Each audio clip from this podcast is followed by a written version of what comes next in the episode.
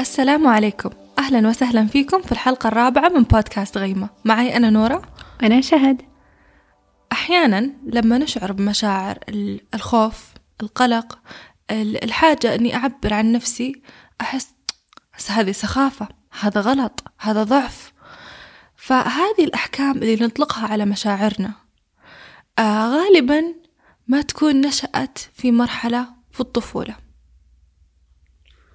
وهذا أمر ذكرناه في الحلقة السابقة للمشاعر اللي تكون فعلا أحيانا نطلق الأحكام عليها. طيب خلينا ناخذ مثال في كيف هذا الشيء ممكن يتكون في الطفولة. خلينا ناخذ طفل ولد صغير ضاعت لعبته.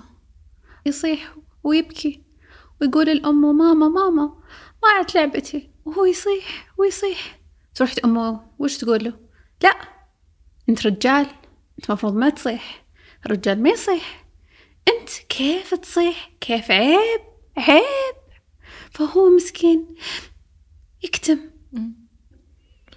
وب- وبالنسبة للطفل يعني نتخيل طفل عمره ست سنوات سبع سنوات يعني بالنسبة له هذا على طول بيترجم لمعنيين. أنا مشاعري هذه غير مرغوب فيها. هذه المشاعر غلط غلط. أنا ما مفروض ما مفروض أحس فيها. آه والشيء الثاني إنه أمي بتتركني. إذا استمريت أصيح أمي بتزعل مني. فهذا اللي يفهم الطفل. هذه الفرضية نفسها حقت أنا مشاعري غير مرحب فيها. أنا بأنترك إذا عبرت عن مشاعري. تنتقل معنا المرحلة اللي نكون فيها أشخاص بالغين أشخاص يعني بالعشرينات ثلاثينات أربعينات من عمرنا إلى ما نموت. صح. تنتقل معنا ه- هالفرضية بس طبعا ما تكون بهالشكل اللي أمي أمي بتتركني ولا إنه مشاعري غلط. لا تصير بطريقة إنه والله إنك سخيفة وأنت والله مشاعرك ضعف لا لا تعبرين عنها. فتستمر هالفرضية معانا وإذا جلسنا معاها وفعلا يعني قربنا منها نلاقيها فعلا بدأت من الطفولة. وفعلا هذا خطر كبير للطفل لأنه الخطر هنا خطر الترك. خطر فقد الاتصال اللي هو الشيء الأساسي اللي ممكن حتى في عمر الطفولة بدونه ممكن الطفل يموت. فهو يسوي أي شيء عشان يحمي نفسه. طبعا هذه طبيعة الدماغ الحماية. الحماية من خطر حتى لو هو ما يدري. ما يدري إنه هذا شيء ممكن يضره. فهو يقول لا ماما بتتركني ماما بتتركني ماما بتتركني إذا بكيت. ماما بتتركني إذا إذا شافتني إذا شافتني أسوي كذا لازم أنا أوقف. لازم أنا أسوي أي شيء عشان ما أظهر هذه المشاعر. إيه وبعدين هذا الشيء أساسي ومفصلي لأن علاقتنا مع الأم أو الإنسان اللي يهتم فينا بطفولتنا هي العلاقة الأولى بحياتنا والأساسية وكل علاقاتنا الباقية تتكون تباعا لإيش حصل في هالعلاقة. فلو إن الشيء اللي كان حاصل هو إن مشاعري غير مرحب فيها أنا المفروض أصيح بنكمل مع, مع هالفرضية في باقي علاقاتنا ونفترض إن هذا الشيء الطبيعي. بالضبط طيب في الموقف اللي صار اللي هو الطفل يبكي والأم تستجيب له أو الإنسان اللي يهتم فيه يستجيب له بهالطريقة في شيء فقد مم. وفعليا هذا بداية جميلة لحلقتنا اليوم وهو موضوعنا الإهمال العاطفي في الطفولة وش الإهمال العاطفي في الطفولة؟ في المثال السابق كان عندنا أم ما استجابت لنداء طفلها لما بكى وحاولت توقف وبأسرع طريقة. كيف ممكن ننهي؟ ننهي البكاء ننهي الموضوع. والإهمال العاطفي فعليا هو أمر مفقود يحصل عندما لا يستجيب أحد الوالدين بشكل كافي لاحتياجات الطفل. وطبعا المهم جدا أننا نذكره هنا إنه هذا الإهمال العاطفي ممكن كثير يحصل من أم وابو جدا محبين جدا عاطفيين وفروا كل شيء مادي لطفلهم حياة كريمة أكل مدارس يعني سووا فعلا كل اللي يقدرون عليه. وهذه الأم ل- لما لما قالت لولدها لا تصيح وكذا هي فعلا يعني هذا أفضل ما عندها إنها مهم. تقدم له. هي هذا الشيء هي يعني الحل الوحيد اللي هي تعرفه. صحيح. يمكن صح مو بناء بس هي بالنسبة لها تبغى تساعد طفلها فتستخدم هالأساليب اللي هي فعليا يمكن مو أفضل أساليب. فالإهمال العاطفي ما هو دعوة إننا نلوم أو إن آه، يعني نعاتب. آه، هو بس آه، أداة إننا نفهم مشاعرنا من مصدرها. ونفهم إنه الأم والأب اللي تصرفوا بهالطريقة فعليا هذا الشيء اللي هم يعرفونه. وممكن هذا الشيء اللي هم تعرضوا له في طفولتهم. فغالبا زي ما قالت نورا إنه علاقاتنا الأولية هي العلاقات اللي نبني فيها كل علاقات المستقبل. فغالبا الأم والأب في علاقاتهم مع أمهم وأبوهم هذا الشيء اللي عرفوه. هذا نموذجهم اللي هم شافوه. فهم ما يعرفون أصلا نموذج آخر أو طريقة أخرى ممكن يتجاوبون ويتعاملون مع المشاعر بناء عليها. وكذلك ممكن يكون في سبب آخر لهذا التصرف إنه ممكن يكون في فكرة شائعة خاطئة. إنه ممكن إنه حنا لو تجاوبنا مع المشاعر مع الأطفال مع الأولاد خاصة إنه بيكونون ضعيفين بالضبط. بيكونون هشين. وإنه حنا فعليا بنربي أطفال ما يقدرون يتعاملون مع الحياة. ف... ففي تصور إني أنا لو إن ولدي إذا صاح قلت له أنت خلك رجال وكذا يعني المنطلق اللي الأم تتصرف منه هو إني أنا اجهزه للدنيا أنا ما أبغى إذا كبر يتأذى وهذا. فهي هذا هدفها. ولكن هل إنه صحيح إننا إحنا إذا أهملنا مشاعرنا وكتمناها وخرناها هل هو فعلا آه شيء يعني حل مستدام للمشاعر ولا هل هو بس بنج نحطه أو بلاستر نحطه؟ بالعكس الإنسان اللي يتعامل مع عواطفه بشكل فعال آه إنسان يعني آه من كل نواحي حياته يكون آه أفضل. فهذه من من أحد الأشياء اللي بنتكلم عنها بحلقتنا اليوم.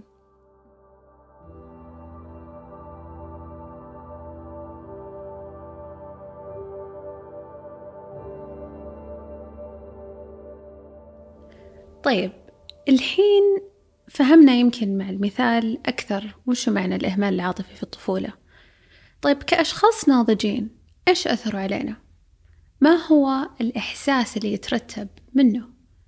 فعليا في كثير مشاعر فارغة أحيانا نحس فيها إنه ما نحس بشيء أساسا ولما ما نحس بشيء الزين والشين ما نحس فيه للأسف يكون في أصلا عدم اتصال مع المشاعر. وأحيانا يكون في حيرة كبيرة أصلا لفهم المشاعر وماهيتها وش وكيف نتعامل معها. آه بالضبط. وهذا الآثار الإهمال العاطفي إحنا كأشخاص نعيش معها كوضعنا الطبيعي. ونفترض هذا الوضع الطبيعي أصلا. آه يعني سواء اللي إحنا كنا نحس فيه اللي هو نقص أنا أحس أحس بشيء أحس في شيء يعني مو تمام فيني. أحس إنه في شيء أنا فاقدته. أحس إنه إني فارغة. أحس بحيرة أحيانا بتسميه مشاعري ما أعرف أسميها. فأفترض إن هذا الوضع الطبيعي لي وهذا الوضع الطبيعي لأي إنسان لأني أنا هذا كل اللي عرفته. فإحنا يعني يصير عندنا تتكون حيرة أنا ما أعرف مشاعري. ليش تتكون هالحيرة؟ لأن لغة المشاعر لغة مكتسبة. نكتسبها في طفولتنا. نعرف نسمي مشاعرنا. آه أنا الحين أنا أشعر بالحزن الحين أنا والله أشعر بالغضب الحين أنا أشعر بالخوف. ونتعمق بوصفنا للمشاعر ونكتسب هاللغة تطورنا كأطفال. إذا إحنا كنا في طفولتنا العواطف والمشاعر لا يتم الاستجابة لها بالشكل الكافي ولا يتم التعاطي معها بشكل صحي طبعا ما راح نكتسب لغة المشاعر وبتتكون عندنا بالتالي عدم اتصال مع مشاعرنا حيرة في تسمية مشاعرنا إحساس إنه في شيء في شيء ناقص في شيء في شيء يعني مو طبيعي أحسه فيني. ليه؟ لأن المشاعر جزء أساسي من تكويننا كبشر وجزء مرة مهم مننا. فطبيعي آه لما ما نتعامل معها بشكل صحي يكون في إحساس إنه لا في حيرة في في مشكلة في. ولكن الشيء الكويس إنه دائما في أمل إن الإنسان يتغير. في أمل أن الإنسان يكتسب لغة المشاعر هذه حتى بعد ما يعدي مرحلة الطفولة مرحلة المراهقة. وكذلك من آثار الإهمال العاطفي في الطفولة أنه يأثر كثير في العلاقات. فحنا علاقاتنا أساسها المشاعر وأساسها الاتصال العاطفي. إذا هذا كان مفقود في الشخص فهو فعليا كأنه عنده نقاط عمياء. هو ما يدركها في نفسه فما راح يقدر يدركها في الآخرين وبالتالي حتى في المستقبل ما يقدر يدركها حتى في أطفاله ما يشوفها ولا يعرفها ولا يقدر فعلا يفهم المشاعر هذه. وذلك كمان يستمر في علاقات العمل. بنفس الوقت ما يقدر يتعامل مع آه، بيئة العمل مع الزملاء مع الزميلات يكون في صعوبة. وفعليا في دراسات كثير تبين كيف الذكاء العاطفي مهم جدا لنجاح الشخص في عمله. وأيضا مع الذات. الواحد لما يحس بكل هذه الأمور ما قاعدة تضبط معه في العلاقات وفي العمل بيحس في مشكلة داخلية فيه ولا يدري وش المشكلة. بيحس في شيء مفقود ولا يدري وش هذا الشيء المفقود. يعني الحيرة مو بس في المشاعر لكن الحيرة في الحياة ككل. إنه طيب هذا يمكن هذا الوضع الطبيعي فخلاص. آه الإنسان يفترض أن هذا الإحساس اللي عندي الإحساس بعدم الاتصال إني ما أعرف أعبر عن مشاعري يحسبها هذا الشيء عند كل الناس لأن هذا الشيء اللي عرفه من طفولته. فطبيعي يفترض أن هذا هو الوضع البشري الطبيعي لأن أنا هذا وضعي. ولكن آه مثل ما قالت شهد هذه النقاط العمياء وهذا الذكاء العاطفي هو فعلا الأساس. يعني ما هو بس لعلاقاتنا اللي هي القريبة مننا حتى العلاقات العملية حتى الدراسة كلها آه، يعني تتحسن إذا عرفنا نتعامل مع مشاعرنا. لأن الإنسان قلب وعقل. فإذا إذا ما تعاملنا مع مشاعرنا بالشكل يعني السليم وتعاملنا معها بالشكل الكافي فبنتأثر. سواء حسينا ولا ما حسينا. وهنا ننتقل للنقطة الثانية إن حتى لو إن المشاعر ما كانت عندنا في نطاق الوعي وما كنا نحس فيها تبقى في الجسم. كثير آه، أحيانا نسمع ناس آه عندهم آلام في الجسم آه تجيهم لما يعصبون لما يتوترون لما يشيلون هم. آه فمثلا عندنا القولون القولون العصبي. آه مرض آه يتكون آه يعني من شيء نفسي من من إحساس. لأن فعليا خاصة الجهاز الهضمي يتصل اتصال مباشر في المخ وفي المشاعر. فأحيانا حتى لو المشاعر ما تم التعبير عنها لفظيا أو حتى أنه الاعتراف فيها الجسم يحس فيها. أقول بطني عورني أقول في أنا أحس بمغص شديد. بالضبط أنا أحس بمغص حتى كأطفال. حتى كأطفال. حتى ممكن هذا الشعور آه، محتبس. يعني ممكن الطفل هذا يكون حزين أو خايف وما يقدر يقول أنا حزين أو أنا خايف. فيقدر يقول لأمه لأنه هو خايف من ردة فعل أمه اللي قالت له ما تقدر أنت تحس بهذا الإحساس. فيقول بطني عورني إنه هذا الشيء المقبول. فصار مختزن في الجسم. بالضبط. وهذا يعني مثل ما قلنا إنها الأمور هذه ما تنتهي في الطفولة وبس. تستمر معنا لما نكبر. آلام ما ندري من إيش. أحيانا الام ما لها سبب عضوي بس يعور شيء يعني يألم. فهذه المشاعر لأنها المشاعر نحس فيها في جسمنا بعد يعني ما هي بس كلام كذا يعني نظري. فهذه الأشياء كلها تدلنا أنه لا هذا الإهمال العاطفي له آثار حقيقية نعيش معها كأشخاص وتلمس جميع نواحي حياتنا. والأشياء اللي إحنا كلنا نحتاجها أحتاج أني أنجح في عملي أحتاج علاقاتي تكون ثرية وعلاقاتي تكون عميقة. فهذه كلها صعب علينا نوصل لها إذا ما تعاطينا مع الإهمال العاطفي وأثاره. ونقطة مهمة نذكرها هنا من ناحية ليش مهم نتخطى الإهمال العاطفي في الطفولة إنه هذا يكون نمط نمط متكرر. فاللي شفناه في الوالدين ترى ممكن كان في الأجداد موجود وفي آبائهم وأمهاتهم لمن سبقوهم. ففعليا إحنا لما يكون عندنا الوعي ويكون عندنا الإدراك إحنا ممكن نكسر نمط بحيث ما يتكرر في الجيل القادم مع الأطفال القادمين مع الأحفاد القادمين ونقدر فعليا نجلب التعامل الصحي اللي هو فعليا مو بس يأثر في أطفالنا لكن في كل علاقاتنا حتى مع علاقة مع الشريك.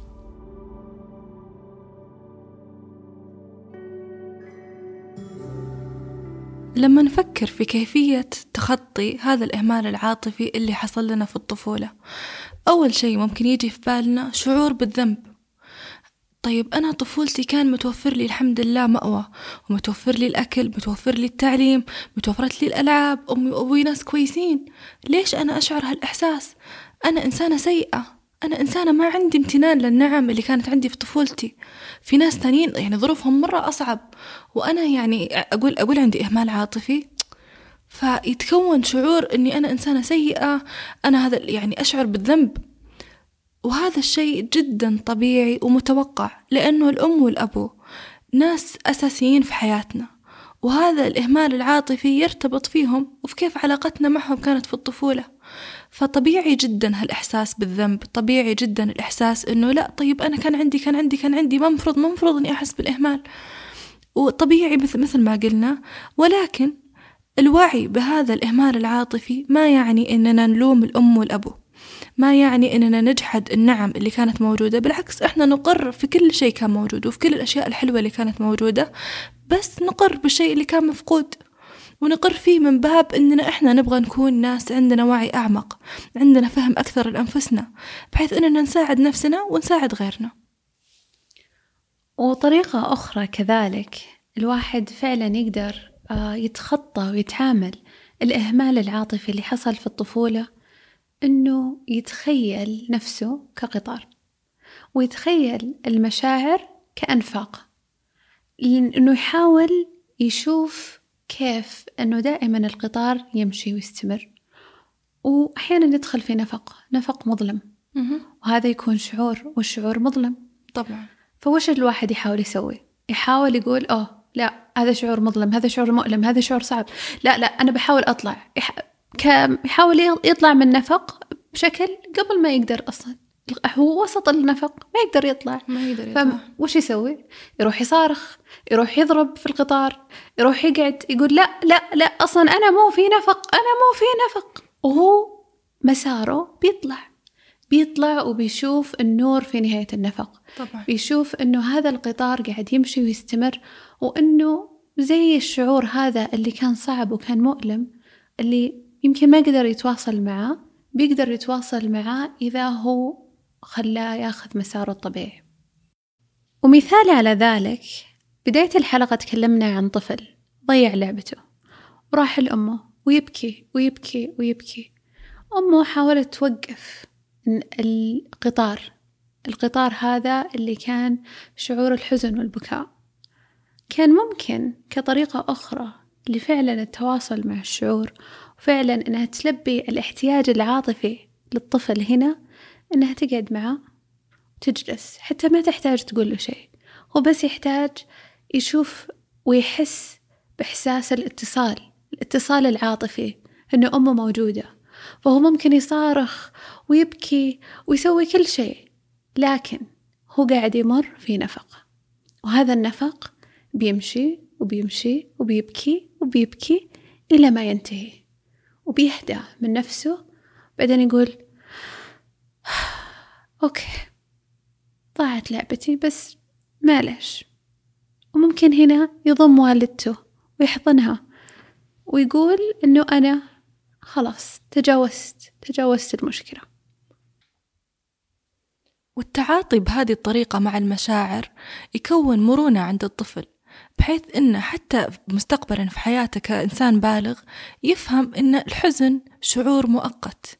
وإدراكي لحزني لا يعني إني أنا بنشب في حزني وخلاص بيصير هذا واقعي لا. هو شعور واقعي أحس فيه وأبكي لو احتجت أعبر لو احتجت لأنه بيعدي وبيمر. عكس لو أننا جينا للقطار وحاولنا نطلعه قبل ما يعدي مجراه طبيعي. فهذا يكسب مرونة للطفل ويساعده في حياته سواء كطفل أو مستقبلا. وكذلك حنا ذكرنا تمرين سابق في الحلقة السابقة يساعدنا فعلا كثير للاتصال مع المشاعر وهو تمرين ممكن ترجعون له لمساعدتكم أيضا في هذا الموضوع. وكخطوة أخيرة ممكن نذكرها لكم آه، المشاعر أحيانا تكون صعبة وأحيانا تكون حادة وأحيانا تكون مؤلمة. طبعا. فالواحد يصعب عليه التعامل مع هذه الأمور لوحده. أنا شخصيا أشتغل مع كوتش للتعامل مع بعض المشاعر الصعبة ليه أنا أخذتها شخصيا. طب. مع أنه حتى أنا شخصيا كشاهد أنا أشتغل ككوتش مع ناس وأساعدهم في مشاعرهم. لكن حتى أنا وحنا نتكلم عن المشاعر ونفهم ونقرأ في المشاعر لكن فعليا الإحساس فيها والخوض فيها لما يكون صعب الواحد يمكن يحتاج أحد معه يكون رفيق في هذه الرحلة. بالضبط. وهذا الشيء سواء كان الإنسان آه، أخصائي نفسي سواء كان كوتش فهذه من الناحية اللي هي فعلا الدعم اللي الإنسان دارس وفاهم في هالمواضيع يساعدني. آه هذا الجانب أساسي. وبرضه الجانب الأساسي الثاني أنه يكون عندي إنسان سواء صديق سواء شريك يساعدني لأن إحنا كبشر مو المطلوب مننا إننا يعني نعيش حياتنا أو نتعامل مع مشاعرنا لحالنا. فوجود الاتصال آه، في التخطي وفي معالجة هالإهمال العاطفي جدا أساسي. وكنقطة أخيرة إذا أنتم حابين تستزيدون وحابين تعرفون أكثر كأداة لمساعدتكم ومو كأداة تشخيصية للإهمال العاطفي في الطفولة حنا ترجمنا محتوى من دكتورة جونيس ويب اللي هي تعتبر أوائل الباحثين في موضوع الإهمال العاطفي وضعت مصطلح أصلا الإهمال العاطفي في الطفولة. آه، ممكن هذا المحتوى يساعدكم. هي عبارة عن أسئلة تقدرون تكتشفونها وتشوفون آه، انعكاسه عليكم. تعقيبا على كلام شهد مجموعة الأسئلة حتكون متوفرة في حسابنا على تويتر. فبنحط لكم المعرف حق حساب تويتر في البايو. وحابين ندعوكم لجلسة مطرية بإذن الله بنستضيفها في أكاونتنا في إنستغرام اللي بنفس الشيء بنحط المعرف حقه في البايو. فكونوا بالقرب. وشكرا جدا على استماعكم. شكرا لكم.